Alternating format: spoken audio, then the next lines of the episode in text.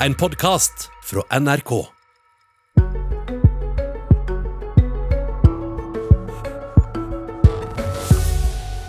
Innspillingen av den norske versjonen av filmen 'Tre nøtter til Askepott' er godt i gang.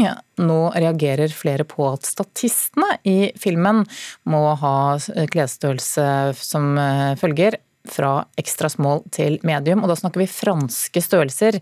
De er mindre enn norske størrelser. Vær nå litt tålmodig, da.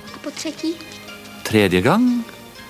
Kjole med slep, men ingen prinsesse. Tre nøtter til Askepott er filmen som får mange av oss i julestemning år etter år. Snart kommer klassikeren i ny drakt, men for å være statist i filmen må du bruke størrelse medium eller mindre i kostyme. I utlysningen skriver castingbyrået at de søker statister med ulik alder og bakgrunn. Men legger også til at de bare har kostymer i ekstra small til medium.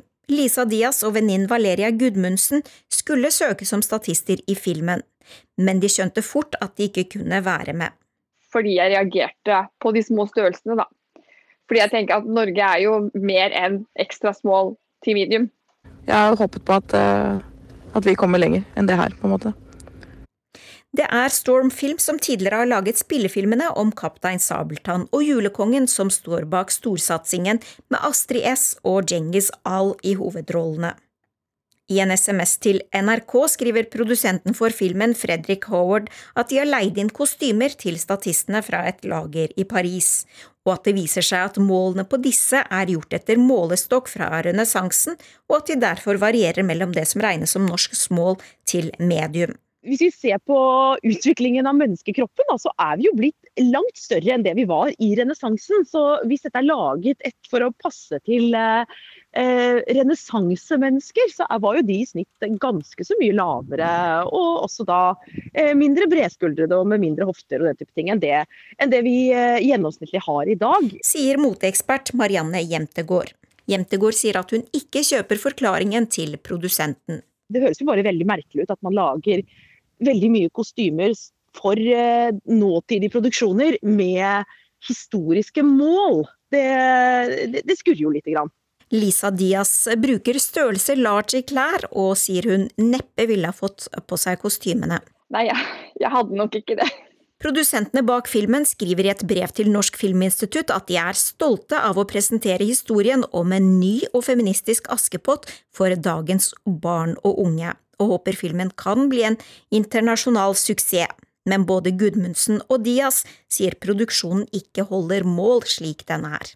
Man blir liksom motløs og oppgitt. Hvis målet hadde vært mangfold og inkludering, så hadde de sørget for at alle hadde hatt klær som passet dem. Fredrik Howard i Stormfilms beklager om noen har følt ubehag på audition. Han sier produksjonen nå jobber med å skaffe kostymer i ulike størrelser. Reporter her, det var Munever Gildis. Kroppsaktivist Marte Nyman, god morgen. God morgen. Du er bl.a. med i dokumentaren Fat Front og aktuell i NRK Supers eh, Superkroppen.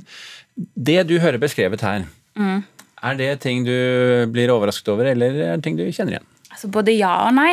Eh, jeg er jo vant med Jeg tror Jeg håper at de fleste begynner å skjønne nå at vi lever i et samfunn hvor på en måte den idealkroppen er veldig tynn. Og det er gjerne ofte det man ønsker å vise fram, at det er det som blir sett på som det mest estetiske.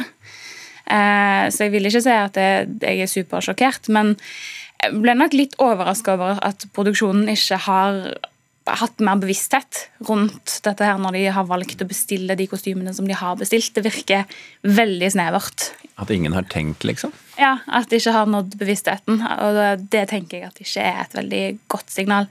Enten så er det en bevisst avgjørelse, eller så er det ikke det. Og ingen av delene er på en måte greit. Men, men er dette typisk for eh, nå må vi jo si i dette tilfellet filmbransjen, eller kulturbransjen generelt? Mm. Ja, altså liksom både og. Vi har jo sett i de, siste årene at vi har tatt noen eh, positive skritt i riktig retning med å få mer mangfold og mer inkludering, men vi har fortsatt veldig langt igjen å gå. Det er fortsatt en idealkropp som på en måte råder i det vi ser av representasjon i mediebildet, både i reklame og filmer og ja, nesten all produksjon. Mm, hvor viktig er en sånn type representasjon? At, at, at uh, kroppene vi ser i reklame og film skal være slik som kroppen er i samfunnet generelt? Jeg det er veldig viktig. Det vi ser nå, når vi har hatt et så stort fokus på tynnere kropper, er jo at idealkroppen har blitt et sånt utrolig feilfritt, eh, slankt, hvitt ideal som ingen egentlig kan nå. Som det, det fører til veldig kollektiv dårlig selvfølelse hos de aller fleste. Og jeg, altså når jeg holder på med min aktivisme og driver på Instagram, så får jeg veldig mye tilbakemeldinger fra jenter og gutter som, som opplever å se seg sjøl og se en versjon av seg sjøl, og at det er utrolig viktig og betydningsfullt for dem. Og det er òg en opplevelse jeg har hatt sjøl. Men du opplever vel litt sånn både òg, gjør du ikke det? Hvordan da, tenker du? At du får litt av hets også? At du blir uh... Veldig lite. Ja. Overraskende lite. Jeg trodde virkelig det skulle være mer. ja. Og jeg er positivt overrasket, da. Ja, veldig.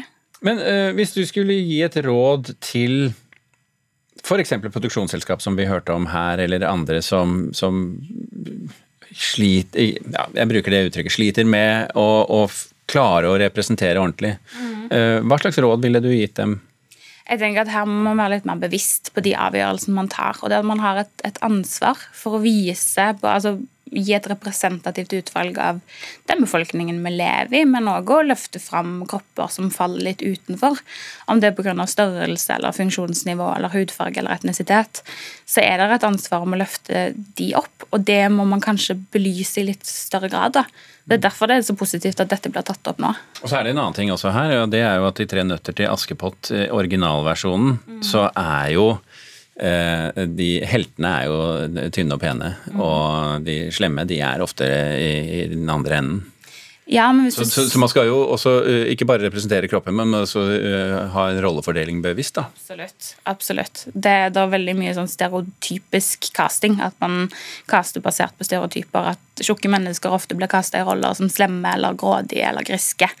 Eh, men hvis du ser på den originale trynet til Askepott, så er det et stort mangfold i besetningen der. Hvis du ser på de som er liksom i bakgrunnen. Det er ikke bare veldig tynne kropper der heller, og det er egentlig veldig positivt.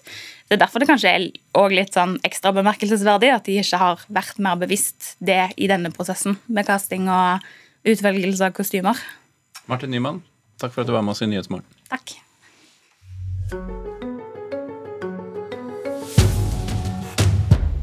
Alfred Døblins klassiske roman 'Berlin Alexanderplatz' fra 1929 er filmatisert to ganger tidligere, annet som miniserie i 1980.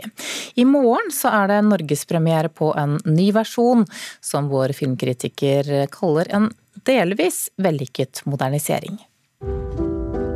I was a refugee all of my life. I did what I have to do. Now I got a second chance. Ich will good sign.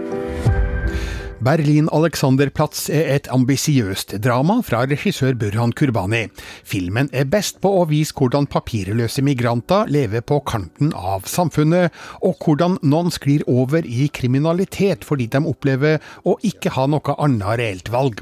Den er òg unødvendig lang og overlessa med sine tre timer og tre minutter, og plages av noen klisjétunge miljøskildringer og merkelige avgjørelser fra viktige figurer som senker troverdigheten. Berlin-Alexanderplatz Alexanderplatz er derfor ikke storfilmen den kun har blitt, men er en delvis vellykka modernisering av Alfred Dublins klassiske roman fra 1929. Du er en gorilla? Fuck you! Du musst en gorilla besser erziehen. Er kan ihn nicht einfach jeden angreifen. Ich bin kein Gorilla. Speak to this man. Den afrikanske migranten Francis, spilt av Welket Bungue, skyldes i på en europeisk strand etter et forlis i Middelhavet og havner i Berlin. Der overlever han på svarte strøjobber, helt til Reinhold, spilt av Albrecht Schuch, lokker han til seg som narkotikalanger. Plutselig får han penger mellom hendene, samtidig som han innleder forhold til både nattklubbeieren Eva, spilt av Annabelle Mandeng, og prostituerte Mietze, spilt av Jella Hase. Kontakten med Berlins kriminelle underverden skal imidlertid få konsekvenser, samtidig som han kommer i en skvis mellom sine kvinner og det merkelige avhengighetsforholdet til Reinhold. Det er mange figurer og relasjoner som krever plass, og kanskje forsøker Kurbani å presse inn litt for mye, sjøl med tre timer til rådighet. Jeg bezahlt 1000 Euro für eine Nacht? Wer bezahlt 1000 Euro for noe. Eine Kette, für einen Schuh, Tasche. Wer zahlt 1000 Euro for en Orgasmus?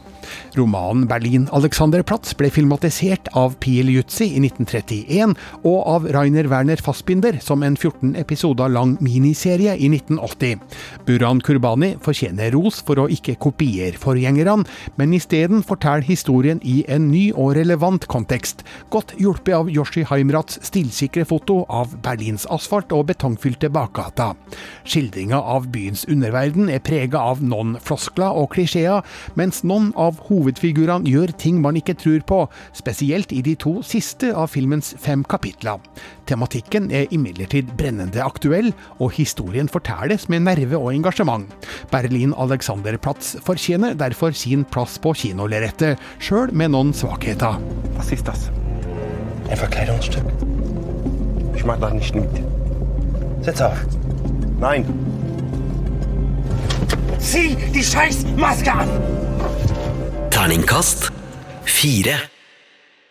Og Berlin Alexanderplatz ble anmeldt av vår kritiker Birger Vestmo. Filmen har altså norgespremiere i morgen, bortsett fra de stedene hvor kinoene da er stengt pga. koronapandemien. Du kan lese hele anmeldelsen på nettsidene våre, nrk.no. Du har hørt en podkast fra NRK. Hør flere podkaster og din favorittkanal i appen NRK Radio.